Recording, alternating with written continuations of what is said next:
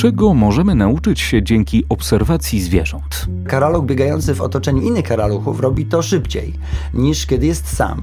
Zjawisko, które określamy mianem facylitacja społeczna, czyli sytuacja, w której no, drużyna piłkarska powinna lepiej grać przy pełnych trybunach. Rozmowa z psychologiem Pawłem Fortuną. Zwierzęta każdego dnia walczą o, o życie. E, muszą nie tylko zdobyć e, pożywienie, przez tysiące lat musiały wytworzyć szereg mechanizmów, które chronią ich przed niebezpieczeństwem i pozwalają im normalnie normalnie funkcjonować. Teraz my, ludzie, uruchamiając myślenie przez analogię, możemy wyprowadzać z tego różnego typu, nie wiem, prawidłowości, mechanizmy, pomysły i, i rozwiązania, a potem je adaptować do swojego życia.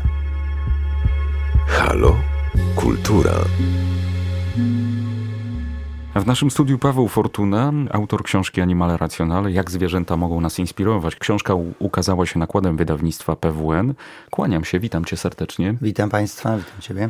E, drugim autorem tej książki jest Łukasz Bożycki. Na samym początku, we wstępie, ubolewacie, że tak naprawdę mamy dostępne to bogactwo świata zwierząt e, i moglibyśmy się sporo od niego dowiedzieć. A tak naprawdę trochę nie jesteśmy nim zainteresowani i nie chce nam się chyba zgłębiać w ogóle tego świata.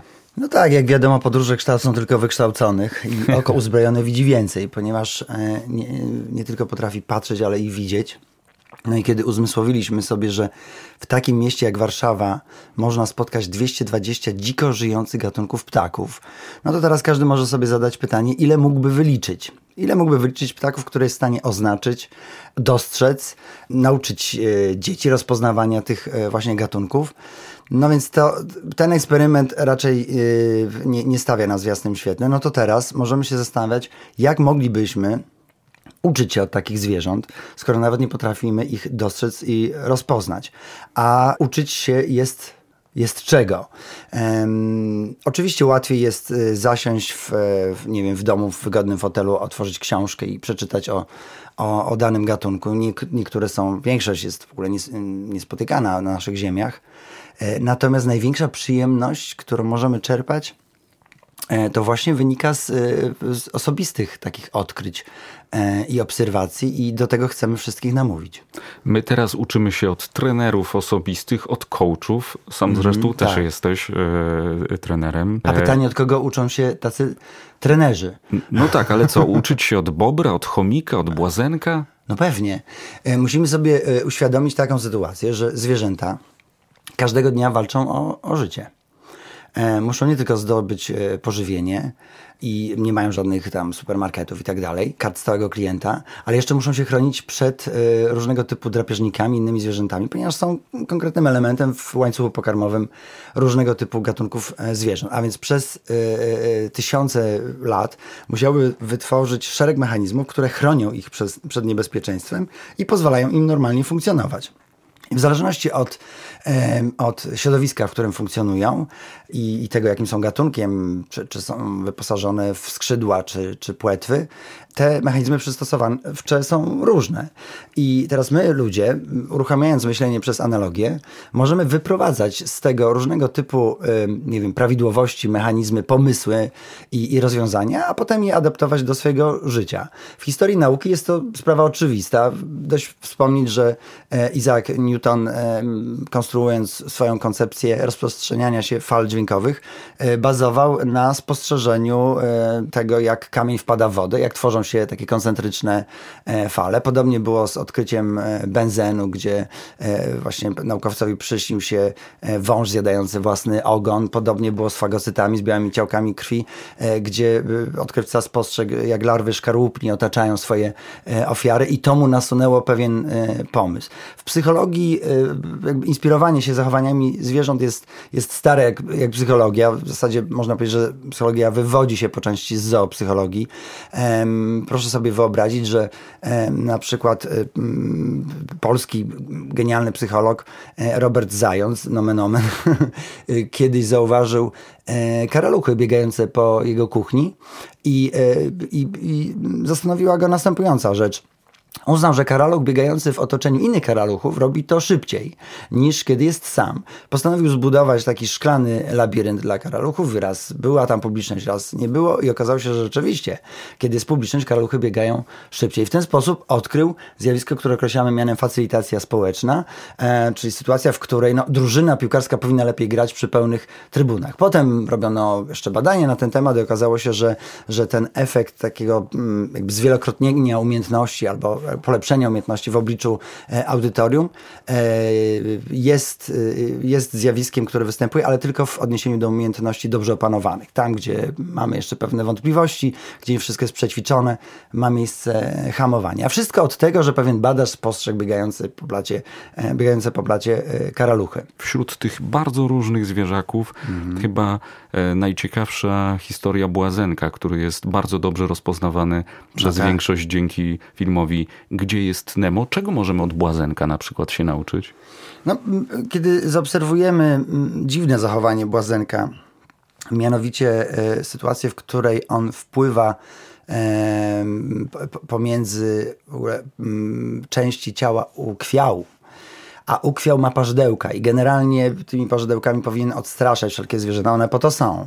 A nagle okazuje się, że błazenek uzyskał dziwny rodzaj odporności na tego typu y, toksyny i y, ukwiał daje mu schronienie. Czyli, czyli Błazenek zyskał e, parzydełka, e, dzięki którym może się chronić przed niebezpieczeństwem. No i teraz e, możemy się zastanowić, jakie, jakie nauki, inspiracje płyną z tego dla nas e, ludzi. E, każdy z nas może, może pomyśleć o tym, ja, jakie osoby, a nawet instytucje w naszym otoczeniu mają właśnie takie parzydełka. I teraz co moglibyśmy zrobić, żeby e, dołączyć do tego teamu, żeby z takich właśnie pozornych wrogów albo, albo takich, mówiąc językiem psychologicznym, bodźców awersyjnych, zrobić y, przyjaciół i sojuszników i móc posługiwać się ich siłą. I jeżeli możliwe jest to w e, świecie podwodnym, na, na poziomie w ogóle takich organizmów, to y, pojawia się pytanie, co nas ludzi blokuje przed tego typu, e, przed tego typu działaniem. Bo jak wiadomo, z niesnazek i z nienawiści no, nic dobrego nie wynika. To nie rozwiązało żadnego problemu, natomiast mnóstwo problemów e, się pojawiło e, dzięki temu. Czego można nauczyć się z tej książki? Gdybym popatrzył na początki rozdziałów, to można na przykład nauczyć się nadziei, od chomika syryjskiego albo racjonalnego gospodarowania odpadami od Bobra, ale przede wszystkim Wydaje mi się po przeczytaniu e, fragmentów tej książki, że można nauczyć się pokory, bo my ludzie mamy się często za e, panów e, Ziemi mm. i za najmądrzejsze istoty mm. na tej planecie, a okazuje się, że wiele zwierząt ma wypracowane o wiele mądrzejsze mechanizmy niż my. No właśnie, tytuł książki Animal Rationale. W tłumaczeniu na polskie to jest zwierzę rozumne. E, osoby, które otarły się o filozofię, dobrze rozumieją rezonans tego pojęcia, ponieważ od starożytności w ten sposób określano e, człowieka. E, przypisuje się to pojęcie Arystotelesowi, ale okazuje się, że nie, że inni tego częściej używali, tacy jak Cycero, na przykład święty Tomasz z Akwinu. I widzimy tutaj to racjonale, że właśnie jesteśmy, zwierzętami, należymy do świata przyrody, ale odróżniamy się od tego świata przyrody e, tym, że e, no, po, możemy rozwijać rozum i tym rozumem możemy się kierować. Dla mnie niezwykle e, ważny był kontakt z Łukaszem Bożyckim. To jest przyrodnik. On, on kompletnie patrzy z innej strony na świat przyrody. Ja mam wykształcenie humanistyczne, skończyłem psychologię. Bardzo dużą część programu studiów zajmowały zajęcia z filozofii i okazało się, że kompletnie odleciałem w moim sposobie patrzenia na, na przyrodę. Łukasz mi na przykład uświadomił taką rzecz, że z perspektywy geparda dobrze przystosowany jest ten, kto szybko biega, a nie ten, kto buduje uniwersytety, biblioteki, kto ma radio i w ogóle jeszcze ogląda e, telewizję. I teraz przyjęcie tej perspektywy e, zwierzęcej, e, to, to, może nas nauczyć e, pokory. Żebyśmy zobaczyli e, w, w, sobie to, że mamy tak świetny, wspaniale rozbudowany e, świat, no ale na przykład wyniszczenie wszystkich krów morskich zajęło nam 27 lat. I to jest bezpowrotna utrata gatunku. To są, to są istoty, które były nazywane mianem syreny morskie, więc syren nie ma. No i tak naprawdę nie wiemy, jaki będzie los zwierząt w tych, tych rezerwatach. One są gdzieś pozamykane i, i, i zależne, zależne od nas. Wspomniałeś o chomiku syryjskim. To jest niezwykła historia, ponieważ ten gatunek uznano w ogóle za wyginięty i pewien archeolog właśnie w Syrii e, w trakcie prac wykopaliskowych odkrył malutką rodzinę e, chomiczków i proszę sobie wyobrazić, że wszystkie chomiki, które są w sklepach zoologicznych pochodzą od tej rodziny. Podobno je zawieziono gdzieś tam do Londynu, zaczęto rozmnażać i uratowano gatunek, który już w zasadzie e, odszedł, można powiedzieć, do lamusa i, i, tylko nie wiem, czy jakieś wypchane sztuki były albo w podręcznikach gdzieś, gdzieś rysunki. A więc gatunek się odrodził i dlatego właśnie nie traćmy nadziei, bo nawet w sytuacji, kiedy wydaje się, że wszystko jest stracone, można coś coś uratować. I tak można by bez końca, bo my wybraliśmy 20 gatunków e, zwierząt. Wybór y, był arbitralny. E, I, I, decydowaliśmy o tym, kierując się naszą intuicją i takim poczuciem ciekawości, że dane zachowanie może wzbudzić nasze, nasze zainteresowanie. Staraliśmy się uniknąć pułapki e, antropomorfizmu, czyli, czyli żeby nie przypisywać zwierzętom naszych ludzkich cech, żeby nie dokonywać takiej projekcji. Właśnie na straży tego procesu stał e, dzielnie bardzo Łukasz ciągle mi przypominał, że, że to jest organizm, że mm, nie przypisujemy mu żadnej świadomości, emocji i w ogóle nie podejmuje żadnych decyzji, że to wszystko dokonuje się na poziomie biochemii albo y, instynktów. I to, dla, i to było dla mnie bardzo ważne i myślę, że pokora, o której wspomniałeś, no może mieć korzeń w takim sposobie patrzenia na e, świat zwierząt. Zwierzęta nie są maskotkami. Byłem na e, Gibraltarze, gdzie mm, fotografowaliśmy innymi makaki. Tam jest ca cały rezerwat i, i oczywiście można się z nimi kontaktować. Naprawdę cudowne, wspaniałe zwierzątka, z tym, że jeden mnie ugryzł. Ugryzł mnie siedząc mi w ogóle na ramieniu. Ja chciałem go ściągnąć, ale to on decyduje o tym, czy on chce zejść, czy nie. No i pierwsze pytanie, czy był szczepiony na wściekliznę czy nie, ponieważ no, ugryzienie było dotkliwe, ale jakaś tam krew się e, polała. To są zwierzęta. One, one, one funkcjonują e, w swoim stadzie, e, kierując się zasadami hierarchii i, i różnego typu instynktów. I my możemy tego w ogóle nie widzieć. Ludzie rzeczywiście podchodzą do tych zwierzątek jak do takich maskotek, chcą się z nimi bawić, a one w sposób cyniczny rozgrywają w ogóle stado ludzkie, dążąc do swojego celu, jakim jest na przykład pozyskanie jedzenia i robią to w sposób bezwzględny. Cały czas między sobą, my myślimy, że się, one się bawią, przekomarzają. Nie, one cały czas przypominają sobie o hierarchii e, w grupie. Także w, e, siedząc przed, przed telewizorami, przed komputerami, odpłynęliśmy od świata przyrody. Ja nie mam wątpliwości, ja to widzę po sobie, jak daleko od niego jestem. Miałem możliwość obserwowania migracji ptaków. Jestem zażenowany brakiem mojej wiedzy na temat rozpoznawania gatunków. Zacząłem się uczyć oznaczać e, ptaki. To jest, e, to jest fascynująca przygoda, ale to jest bardzo trudne. To jest tak, jakbym się uczył alfabetu. Zastanawiam się, co robiłem na tych wszystkich lekcjach przyrody, gdzie, gdzie to jest, te, te całe lata e, nauki, które powodują, że trudno mi odróżnić, e, nie wiem, rośliny na łące i trudno mi oznaczyć e, różnego typu e, gatunki. Staram się zdroworozsądkowo myśleć o człowieku i i, I wiem, że my pójdziemy w kierunku rozwiązania, które jest dla nas najbardziej korzystne. I tępimy gatunki zwierząt, ponieważ czerpiemy z tego konkretne korzyści. Możemy sprzedawać futro, mięso, kości e, i to robimy od, od setek tysięcy e, lat i prawdopodobnie nic nas e, nie zatrzyma. Jest mnóstwo organizacji, które apelują o to, żeby E, chronić przyrodę, żeby podchodzić do niej z szacunkiem. Między innymi WWF, organizacja, która jest e, jednym z patronów e, tej książki. A my chcemy swój kamyczek do ogródka tutaj wrzucić, mianowicie dać, dać takie okulary ludziom do patrzenia na świat zwierząt, jako na naszych mistrzów i nauczycieli.